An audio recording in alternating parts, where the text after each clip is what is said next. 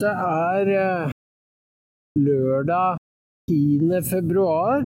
I går kveld var vi på et møte på Grang i regi av Binders. Initiativet. Og hva er Binders? Jo, de er altså De jobber med pandemi, de er opptatt av å forsvare individuell frihet mot overnasjonale overgrep, da spesifikt WHO. Og de hadde en uh, sveitsisk advokat, Philip Kruse, og en amerikansk lege, tror hun het Mary Bell, og den britiske parlamentarikeren uh, Andrew Bridgen. Og han er venn av Robert Malone, og de, de var sammen uh, da Malone var her. Så kom han fra London og et møte i det britiske parlamentet i regi av Bridgen. For der går det nemlig an å ha møter og benytte parlamentet. Og det var en del mennesker som stilte opp. Bridgen er en veldig sympatisk brite. Jordnær, direkte, sånn som vi liker. Og allikevel så har han Eller det er ikke noen motsetning mellom dette å ha et godt grep på hva WHO driver med. Og det er jo Sånn som disse beskrev det, så er det så uhyggelig at de fleste blir jo helt vettaskremte når de hører hva det går ut på. For vi, Dokuments lesere har jo skrevet om at ikke før var pandemien over, før WHO skulle hadde utarbeidet en protokoll som gir generalsekretæren rett til å erklære unntakstilstand i medlemslandene. Og, på, og Norge er jo ivrig etter å, å slutte seg til. Eh, og dette har vakt betydelig oppsikt. Men eh, norske medier benekter at det, det, foregår altså at det er en suverenitetsavståelse. Dette er jo akkurat som med ACER. At de sier nei, nei, her er det ikke Vi skal beholde selvbestemmelsesrett. Og så er det jo ikke det. Men da har man kommet så langt at bordet fanger. Det er sånn internasjonalt samarbeid i dag fungerer. Og det har gått opp for såpass mange at det er en betydelig motstand. Men det er jo den formelle strukturen. Enda verre blir det hvis du ser på hvem er det som styrer WHO. For det er ikke medlemslandene som eier og bestemmer. Det er private interesser. Annet Bill Gates har en stor eierandel og finansierer. Dere husker kanskje at Trump trakk jo støtten, og da kom det da var, Kina er jo inne. Jeg kan ikke alt i detalj, men enda verre blir det når eh, Altså hun, særlig hun Mary Bell beskrev forhandlingene. Fordi man får nemlig ikke vite hva som foregår. Og derfor du kan tenke deg Kjerkol oppi dette her. Hun er jo da ikke en som går ut og protesterer. De holder på med ting som utveksling av biologiske, altså virusvarianter. Fordi covid-19, som jo er et biovåpen, det ble laget med tanke på at det skulle smitte lettest mellom mennesker. og ha en viss dødelighet, som man kunne observere. Det var et biovåpen, og dette Man har lagd en stor mengde slike virus som man eh, har i banker, og så utveksler man disse virusene. Og dette er det Hvem er det som har kontroll på det? Og det, det sier seg selv at da skjer det jo ulykker eller uhell, eller bevisste sådanne. Det er én side. Og så har du alt med vaksin, vaksinering og vaksinepass. Og det regimet som følger med hvis de erklærer medisinsk unntakstilstand. Og det kan altså denne Tadros gjøre, som jo er en særdeles usympatisk fyr fra Eritrea, som eh, som logret for Kina og gjorde alt Kina sa under pandemien. Først senere så liksom prøvde han å distansere seg litt, men han var jo da totalt kompromittert. Men det er jo også våre myndigheter. Og jeg er jo overbevist om at Camilla Stoltenberg og Nakstad utmerket godt visste hva de holdt på med. Eh, men de hadde Det sto noen over dem som var så mektige at de ikke turte å mukke. Og de gjorde bare det de, det, det de var pålagt, uten, uten noe dissens. Dette gir noen veldig ubehagelige assosiasjoner. Jeg tror ikke jeg behøver si engang hva, hva det minner meg om. Men så Dette er bare, en, dette er bare liksom liten, en liten del av det. Uh, nå, de holder jo også på med seksualisering av barn. Og da sa Bridgen uh, det begynner i, fi, i fireårsalderen. Så skal barn lære om seksualitet og, og, og, og transseksualitet. Og de skal eksperimentere på og med seg selv. Og som tolvåringer så skal de ha sine første seksuelle erfaringer. Tolv år. Dette kjenner jeg veldig godt igjen fra USA. For der har demokratene pushet en sånn agenda i mange år på barna. Og når Biden sier det er våre barn, så går det kaldt nedover ryggen på meg. Fordi det er nettopp det.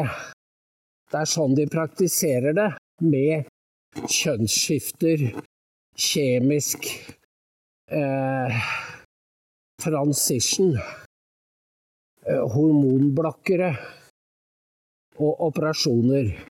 Dere husker kanskje for noen år siden så var det veldig mye rabalder om, om eh, kjemisk kastrering. Og det er også en veldig motstand mot da henrettelse, dødsstraff i USA, med nå var det med nitrogen. At det var så bestialsk. Men de samme kreftene, politikere og medier, har ingen skrupler med kjemisk, kjemisk, behandling av små barn. For dette er, er barn helt ned i 12-årsalderen. 12-13-årsalderen så begynner de med kjemiske cocktailer. Det har de ikke noe imot. Det, det, foreldrene får ikke engang vite hva barna holder på med. Og da skjønner du at dette er Dette er veldig mørkt. Og vi spurte hvem er det som har funnet på det, hvor kommer det fra? Og det er jo Noen sa jo da ja, det er Davos, det er World Economic Forum. Og ja, og det er det sikkert. Og der snakker man jo på alvor om om eh, nedskalering av kloden fra 8 milliarder til 2. Og hvordan skal de få til det? Jo, gjennom deindustrialisering. Og hun eh, Mary hun nevnte en Jeg skal søke opp det navnet, eller noen kan kanskje sende meg det. Han som var rådgiver for David Rockefeller. For han snakket mye, eller var opptatt av avindustrialisering. Og du kan jo se at det er det de holder på med i Tyskland. Og angrepet på landbruket handler jo, tror jeg da, ikke bare om utslipp av nitrogen. Det handler om noe mer. Eller metan.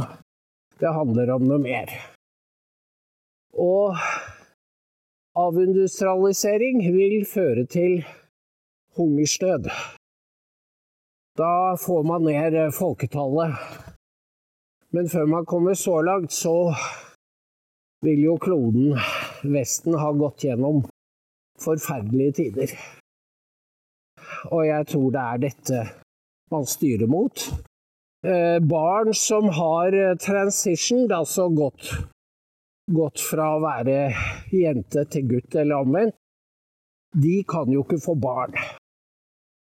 Og dette er igjen en sånn sykelig greie at de holder på å snakke om at transkvinner kan få barn. Dette er hører Det minner veldig sterkt om nazistenes eksperimenter. For vi snakker her om mange mennesker, og de kan ikke få barn. Det er en enorm kostnad for et menneske som og når de er 12-14 år, eller 15 eller 16, så forstår de jo ikke konsekvensen av det de blir utsatt for, og som de liksom velger under påtrykk fra voksne. De forstår ikke det før senere i livet, og da er det for seint. Og dette får nesten ingen oppmerksomhet i våre medier, for de snakker bare om Gaza. Så dette er et veldig mørkt Dette er et stort mørke som legger seg over verden.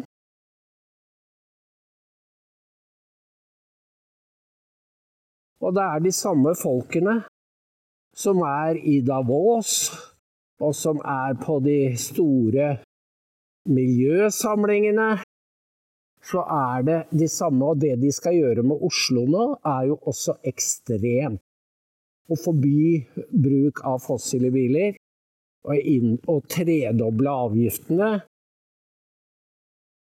Innføre 30 km-sone. Dette handler ikke bare om utslipp, det er noe mer. Det handler om å få kontroll over menneskene. Det er ikke rart at folk har problemer med å fange, sette ord på hva dette er for noe. Men at dette har en sammenheng med krigen i Ukraina, det er jeg overbevist om. For det er de samme menneskene, og det handler ikke som bestemmer, og vil ha krig. Og driver et propagandaapparat. Nå var det sånn at jeg kom til å høre på Verden på lørdag i dag, og det er lenge siden. Det er jo velkjente toner. Det er litt som Ønskekonserten, vet du. Eller salmer og sanger vi er glad i. Du har hørt det meste før. Du vet hva de utenrikskorrespondentene kommer til å si. Så, men nå, det, nå er det noe litt nytt. Fordi de har fått igjen Altså, NRK har noen korrespondenter som er øremerket til å føre den ideologiske krigen. Og hvorvidt Jeg vet jo at sånn som Norden-korrespondenten Reigstad, han har gått på Forsvarets høgskole, og det har disse stjernene i NRK, har gått der. Og Nils Reinhardt Omvik Ole Reinhardt Ole Nei, vent litt, da. Ole Reinert Omvik han var jo borte en lang stund, og jeg kunne tenke meg at han har gått der, eller de har gått på skoler i USA, eller fått foredragsholdere over derfra. Fordi nå er det et profesjonelt opplegg. Det er ikke sånn at de bare Det er ikke Fritz Nilsen som er tendensiøs eller Odd Karsten Tveit om Midtøsten. Nå er det et manipulasjonsspill. Men for den som følger med på frie medier i USA, så er det ikke så veldig vanskelig å lese hva de holder på med. Og Amvik, han, han skulle i dag i en pod den ligger da sikkert som egen pod i NRK-biblioteket, snakke om eh, hva skjer hvis Trump kommer igjen. Og det var jo propaganda Altså, det var, jeg, det, han brukte stråmannsargumentasjon fordi han spilte klipp av hva Trump har sagt, og satte det så inn i en kontekst som om det var dette Trump ville. Og så hadde han med seg han eh, Han som jobbet for eh, Stoltenberg, tror jeg det var. Jeg mener det var det. Ah, det går litt uh, treigt oppi huet. Ja, jeg må komme på det etterpå.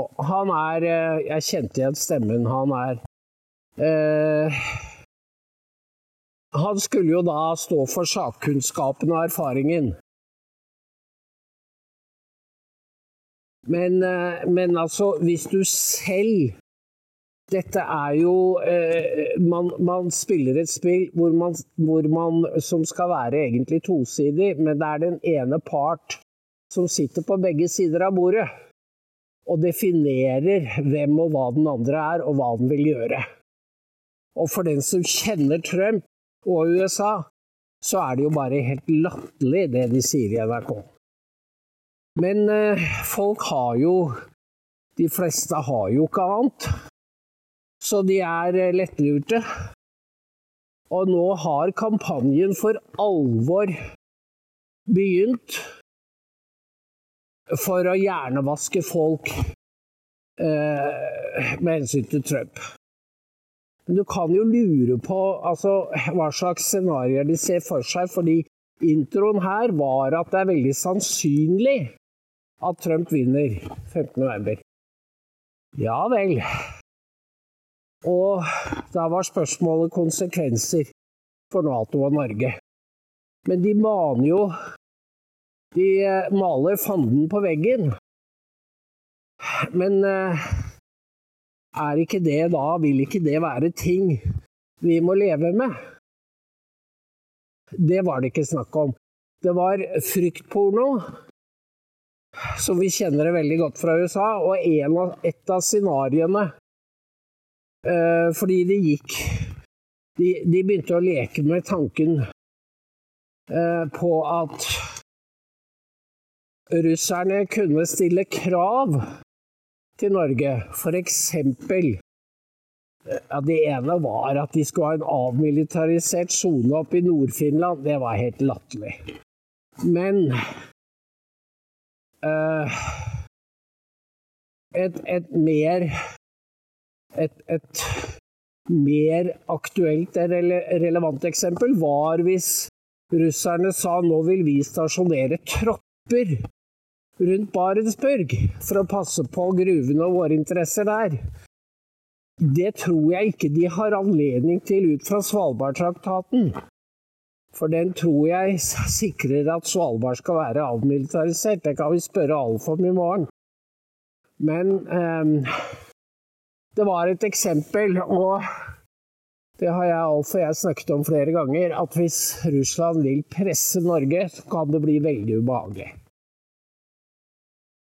Men hvis de vil ha krig med Russland, så er det jo veldig greit å bruke sånne eksempler og så være klar når situasjonen dukker opp. Men det er altså, som Tucker sier, snakk om verdens, en stat med verdens største atomarsenal. Og han, fordi han har nemlig holdt et ni minutters oppsummering av intervjuet, hvor han sier at, at eh, jo da, Putin er eh, Putin er Putin, men eh, han er en rasjonell aktør. Og det kan man ikke si om de som styrer Washington. For de tror Han sier jeg har snakket med flere i State Department, og de tror at veien til fred i Ukraina går gjennom at Russland avstår Krim. Og det sier han, det kommer aldri til å skje. Putin bruker heller atomvåpen enn å gi fra seg Krim. Og det forstår jo alle som har fulgt krigen. Men eh, det virker som om eh, amerikanerne har helt andre mål enn å avslutte krigen. Og det som er eh, det, De som vil diskutere krigen, for det er veldig lett å, å, å være for eller mot, det er at de ikke ser på at det er de samme kreftene som vil ha denne protokollen i WHO, som slipper inn ti millioner illegale til USA, hvorav flere hundre står på terrorlisten som eh, lar narkotikaen flomme innover USA så det tar livet av titusener hvert år. Og som driver en sextrafikk som eh, som det ikke finnes make til noe annet sted på jorda. Og USA er i ferd med å bli en narkostat.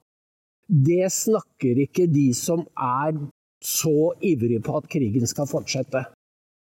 Og hvis du ikke ser den helheten, så har jeg egentlig ikke så veldig mye å, si til vedkommende, fordi da forstår du ikke hva som foregår i verden i dag. Ja, og så var det én ting til jeg kom på nå. Fordi når man går på sånne møter, så treffer man folk. Og jeg traff veldig hyggelig, en veldig hyggelig dame opp fra Harstad som uh, sa at Magnus Lagabøte hadde tatt motstandsretten fra oss. Det var veldig spennende, det vil jeg gjerne høre mer om. Men så var det en annen, en gammel kjenning, som er lærer på en høyskole. Og han fortalte at skolen har som praksis at hver gang det dør en elev, så flagger skolen på halv stang. Det forstår man. For å vise respekt og alt. Det er bare det at når den flaggstanga stadig dukker opp med hals, flagg på halv stang, så sprer det seg en frykt blant elevene. Og det hadde det gjort på denne skolen. Og det var ganske uhyggelig å høre. Det er virkeligheten det er i dagens Norge. Men mediene snakker ikke om det. Det er tabubelagt. Vi skal ikke vite det, og du skal ikke snakke om det. Dette er, dette er uhyggelig. Og alt dette henger i sammen. Vi kjenner bare eh, biter av det, men vi ser nok av dette puslespillet til å forstå at det er fare på ferde. Så man får lyst på å folde hendene og be. Gud bevare oss mot mørkets makter, for det er det det er. Det er mørkets makter, og det snakket jeg også med han læreren om. At denne, denne Det er ondskapens hær i himmelrommet, at det har en åndelig dimensjon. Fordi det begynner å bli så mye av det. På alle, alle fronter ja. Men eh, motstanden, den vokser. Det var mange mennesker på Grang, og Andrew Bridgen han var jeg veldig glad for å ha hørt og sett. Så Det kommer mer, og jeg det er ja, Jeg kunne sagt mer nå også, men nå, nå holder jeg opp, for nå er det gått 20 minutter eller vel så det. Så det er VIPS, det er 13629. Og så sier jeg på gjensyn i morgen. Takk for nå.